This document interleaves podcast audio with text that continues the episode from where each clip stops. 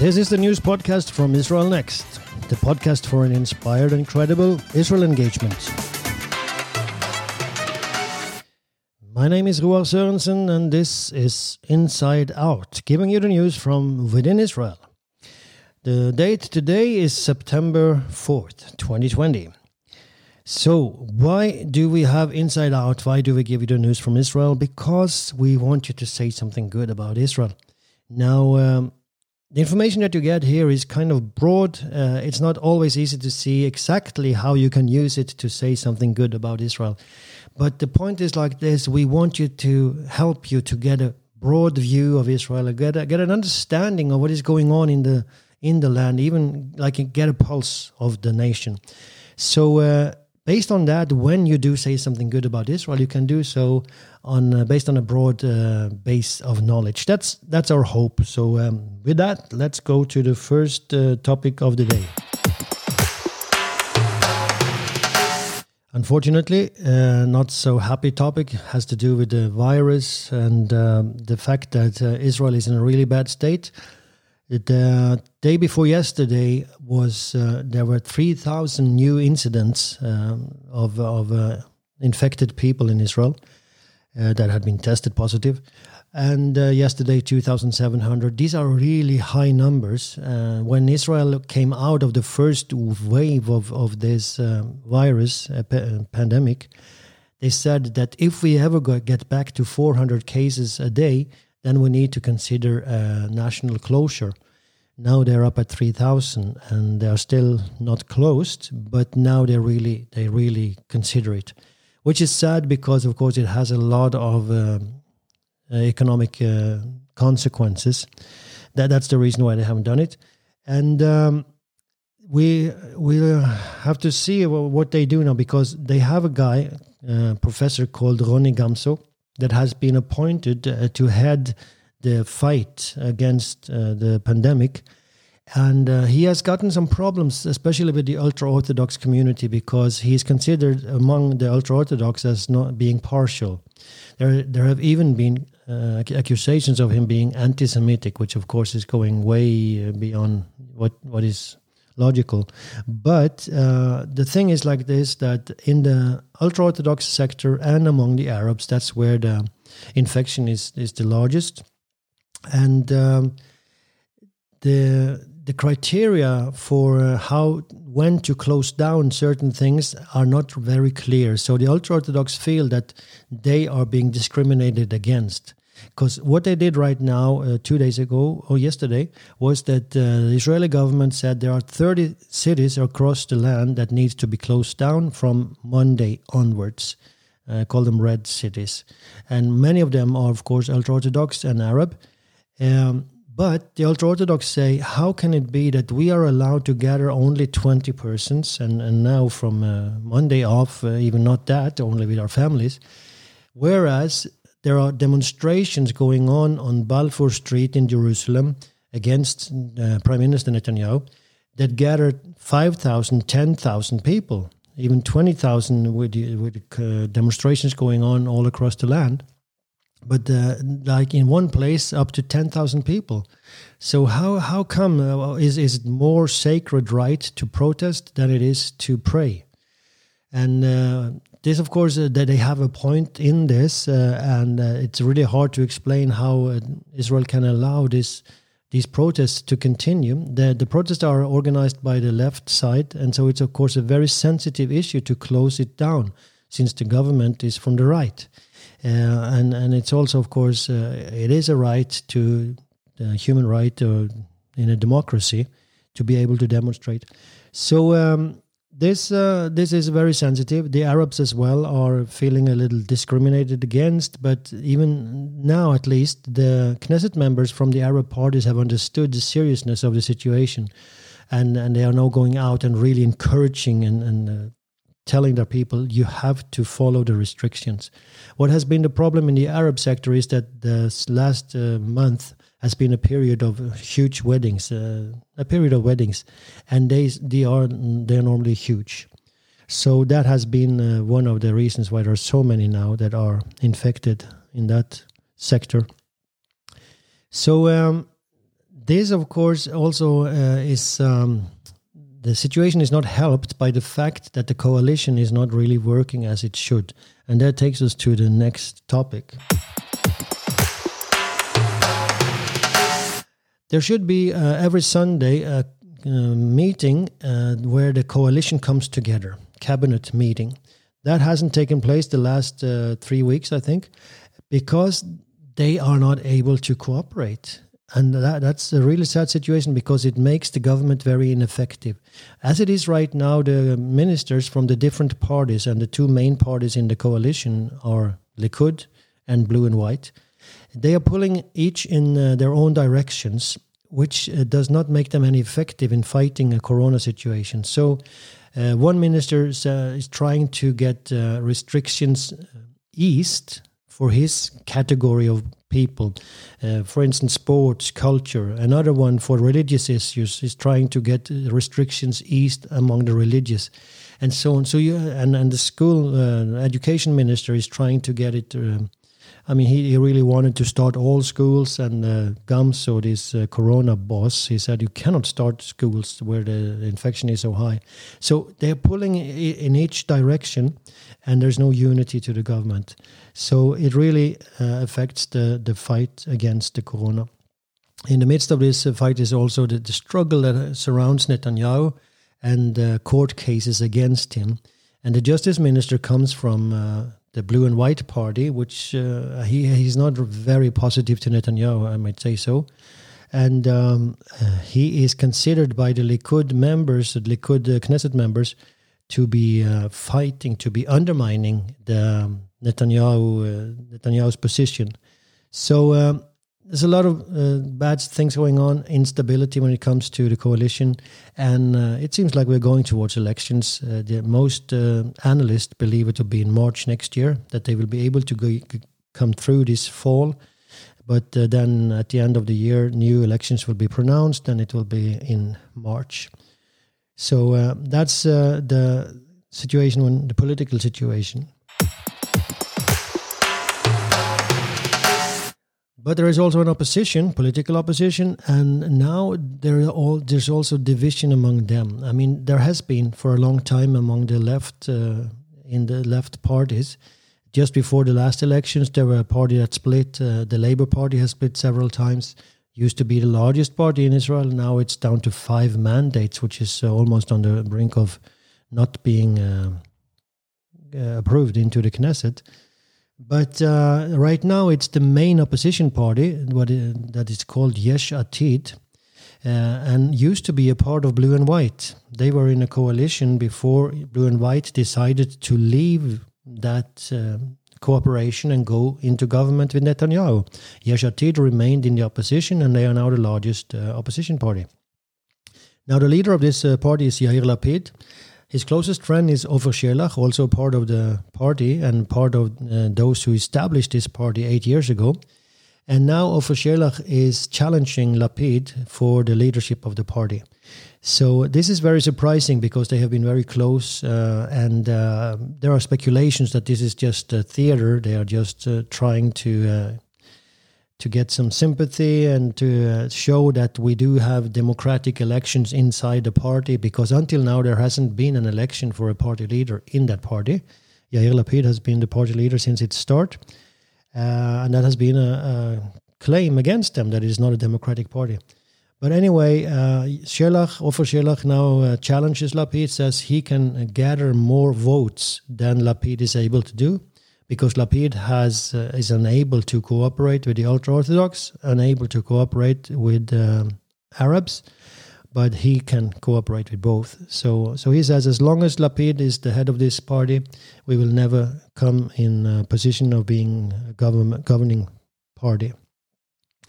So we'll see where this leads, but uh, in the short run, of course, the only one who uh, is earning from this is uh, Netanyahu uh, because uh, when the opposition is split, of course, it will uh, it will be in favor for him. In the long run, though, it might lead to that the left people on the left will see we need to cooperate. There have been too many splits among those parties the last few years.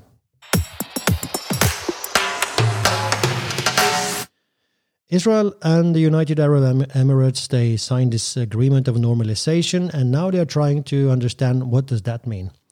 So uh, it's a good thing. Uh, they, they're trying to hammer out like, what do we do now? Uh, how do we work together?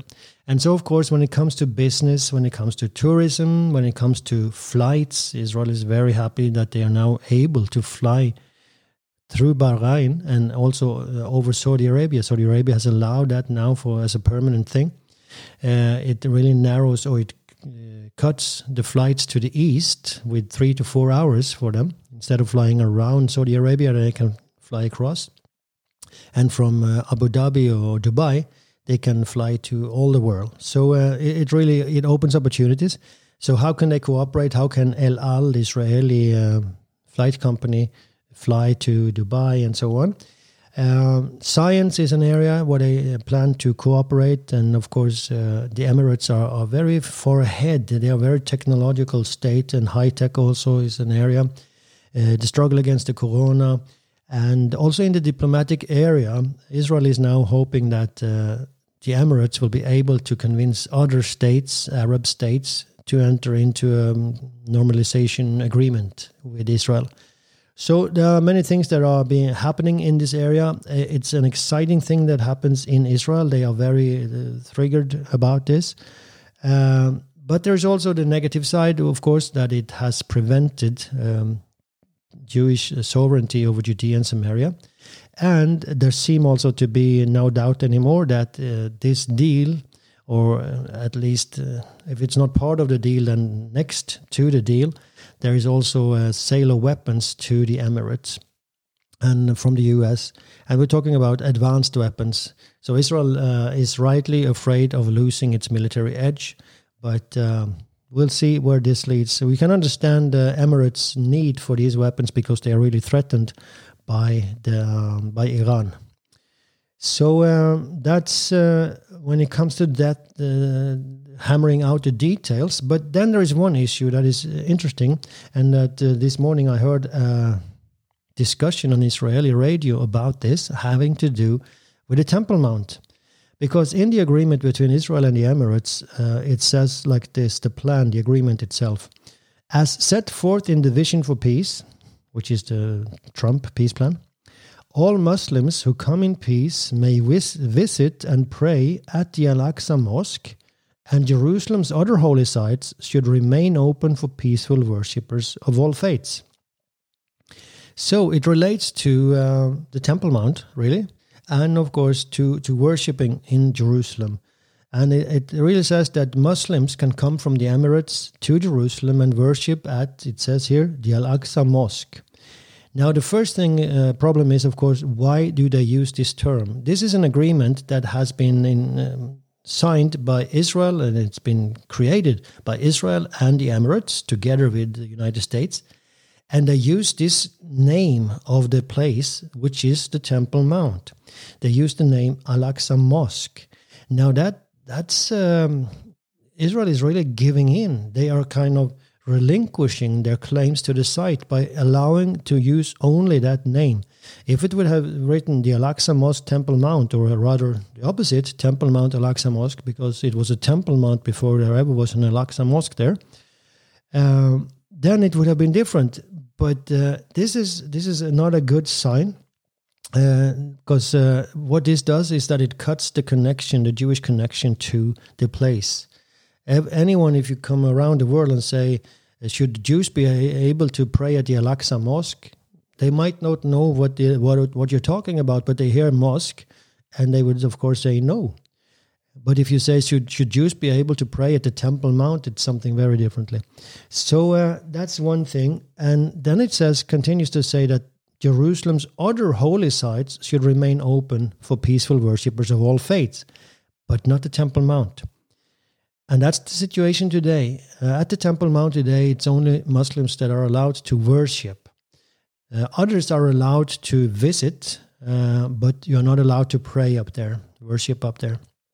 So uh, Jewish groups go up uh, with police escort, and uh, they take a certain round around the, the edges of the Temple Mount because they do not want to step into what used to be the Holy of Holies But if they stop and they start moving their lips as if they're praying, they will be arrested.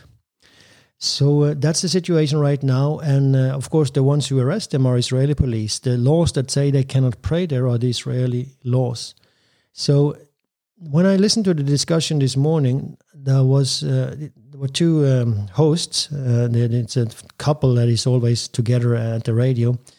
Not a couple as in a couple, but they were in a radio. They are a couple, uh, and um, so the the woman there, she's religious, and the the man uh, is secular leftist, and uh, the left side uh, they are they're usually uh, very keen on protecting human rights. This is kind of their their flag that they're lifting. We need to protect human rights.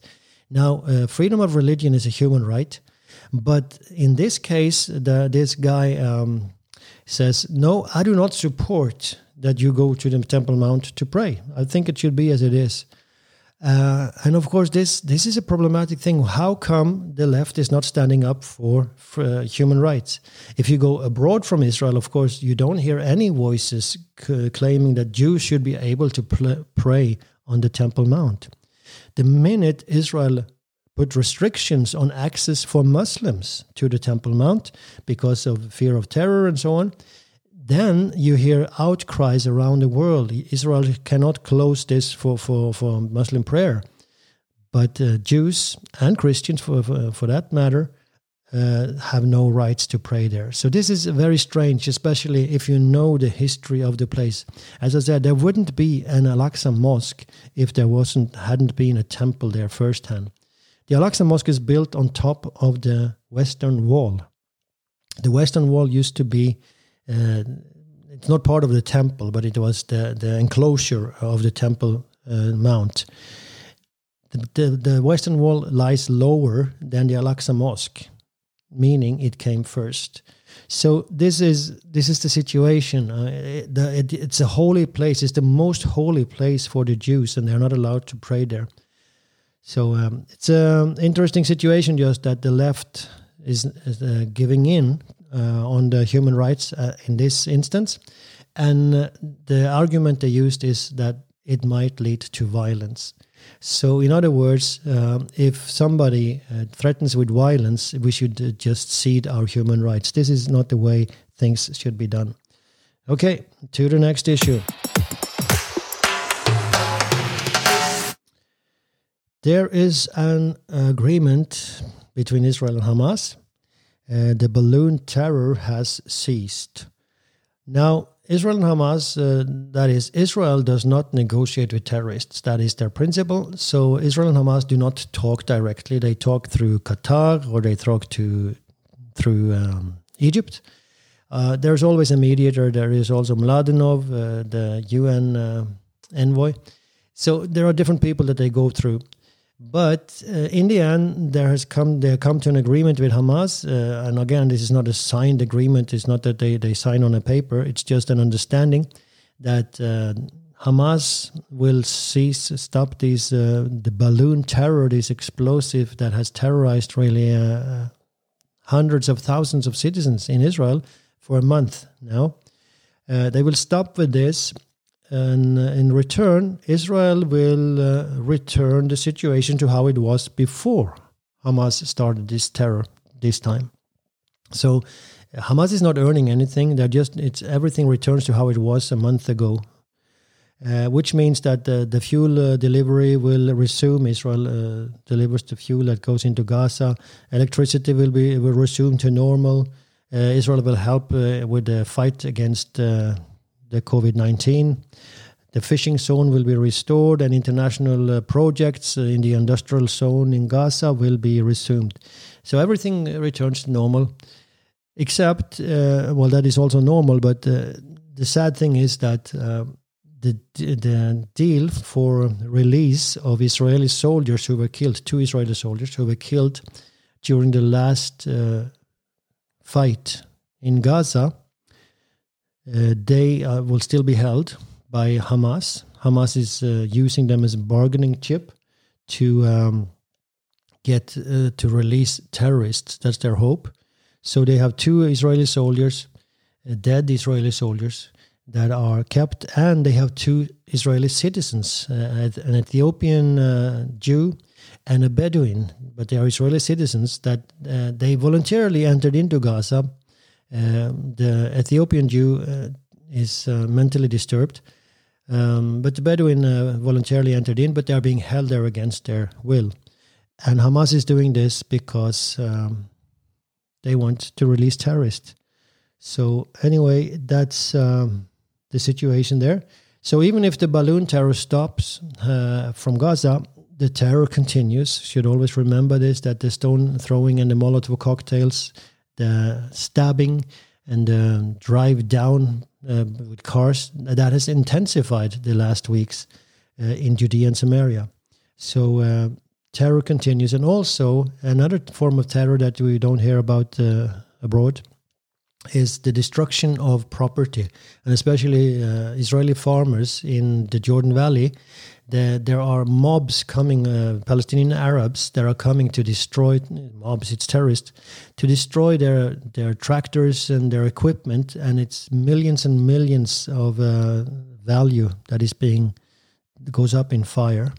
So uh, this thing continues. Uh, one should never forget because that will, in the end, lead to Israeli reactions, and when it does, usually we only hear about the reactions. Hapoel Beersheva is a football club, a soccer club in uh, the city of Abraham. And they have now invited the leader of the league in the United Arab Emirates to come to Israel for a friendship match. Now, this is huge because I mean, this is what Israel has been dreaming about for, for decades that, that, that things like this would happen. When they signed the peace agreement with Egypt in 78 and when they signed the agreement with Jordan 94, they were thinking, now, finally, we can have normal relations. It didn't happen. It's a cold peace. But now the Hapoel Beersheva has invited this club and they hope uh, there, there will be a positive response.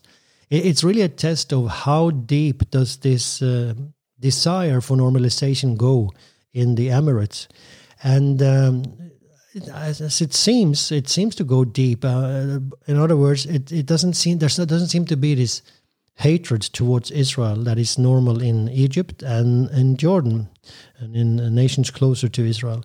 So um, this might very well happen. If it does, it will really be a manifestation of this agreement, and uh, you will hear about it at the, at the time in that case.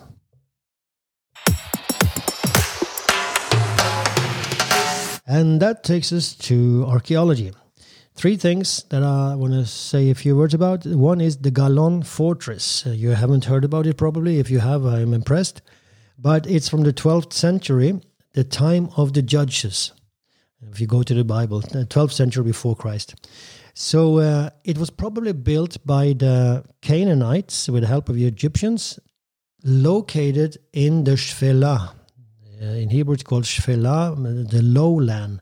And that is the area, the territory that lies between the Judean mountains and the Gaza, uh, the coastal plain around Gaza.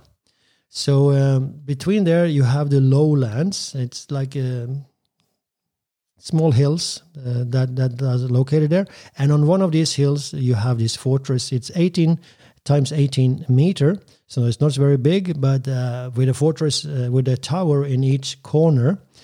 But it was like a, a, military fortress used to control that area. As I said, built by the Canaanites with the help of the Egyptians in a time period when the Philistines were down there at the Gaza coastal plain and the Israelites were up in the mountain. But the Egyptians were still trying to control the Via Maris, the road that went from Egypt to Babylonia. They were still trying to have some influence in the area.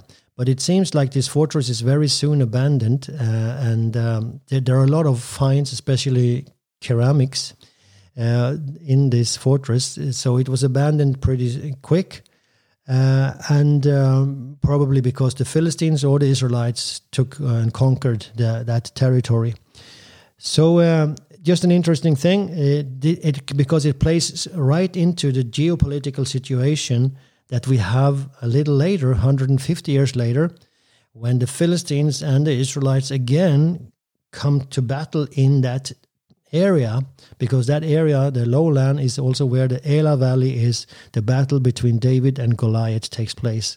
And again, so this Galon fortress just shows us how this geopolitical situation continued into the time of David 150 years later. The next uh, thing I want to talk about in archaeology has to do with the walls of Jerusalem. And uh, for for quite a few decades now, since the 1980s, uh, it has been uh, an established fact or uh, belief that Jerusalem was pretty large at the time of Hezekiah. We are talking about the 8th century, the end of the 8th century before Christ. King Hezekiah was ruling in Jerusalem. Isaiah was the prophet at the time, one of them. And um, Hezekiah built a, a, wall around Jerusalem because many refugees were coming down from the northern kingdom. Because in 722, the northern kingdom had been taken captive to Assyria, but many fled from the Assyrians and came to Judea. So Jerusalem swelled, and uh, Hezekiah, Hezekiah built this wall. Now, it was believed that it was built on the edge of the Zion mountain because this excavation has ta- is taking place on the Mount Zion in Jerusalem. And uh, so now they have dated the, the wall and they have found out that it's, it's not as old as they thought. So they realized that the city at the time of Hezekiah and Isaiah was a little smaller than it uh, what has been believed so far. So it's just an interesting thing. I mean, uh, it's not a huge thing. If it was like 100 meters, we're talking about just hundreds of meters. Uh, it's not uh, very much. But uh, it's, really fascinating, though, that you come back to this time and you, you just get a sense of what things looked like and what how, how they were. And another thing that uh, really gives us the, the pulse of how things were is the third thing that I want to mention is that um, Aren Maeir, professor of mine at the Hebrew University, and I got to say that as well, uh, in archaeology, he has found 3,000 year old fingerprints on um, what you call this? Uh, the, the, the pottery. On the pottery uh, that was made in Gath. Now, Gath, it's uh, the city of Goliath. Uh, and this is the time of Goliath. So, uh, so they have found this pottery and on it fingerprints. Now, based on those fingerprints, they are able, uh, according to a report I read, uh, that Aren Maeir says, we are able to, to decide the age of the people who worked with this pottery because those fingerprints were put there when the clay was still soft. Uh, so we can determine the age and we can determine their sex. So, um, interesting that they found out that it's both older people and younger people that work with this. So uh, they they assume it would be like a master and his disciple that are pre- pre- preparing this. Now this really is uh, fascinating because it really takes you back to wow, we, we can see that there was a young person here were using this, and on some of those. Um, on those pottery, there were more than one person involved in the process. So probably it was like uh, the, the older man teaching the younger men, and then they were working together on them. So fascinating, uh, not uh, like very important because we don't have the fingerprint register of the police at the time, so we cannot tell them exactly the identity. But anyway, interesting, fine. So that's it uh, for this week. Uh, if you want, if you like this, you can support our work. Uh, if you have a Norwegian account, you can go to through Vipps. But if you don't, you can go to um, israelnext.com, our website, and just press give and support our work. It would be greatly, greatly, greatly appreciated. So thank you for being with us. And until next time, say something good about Israel.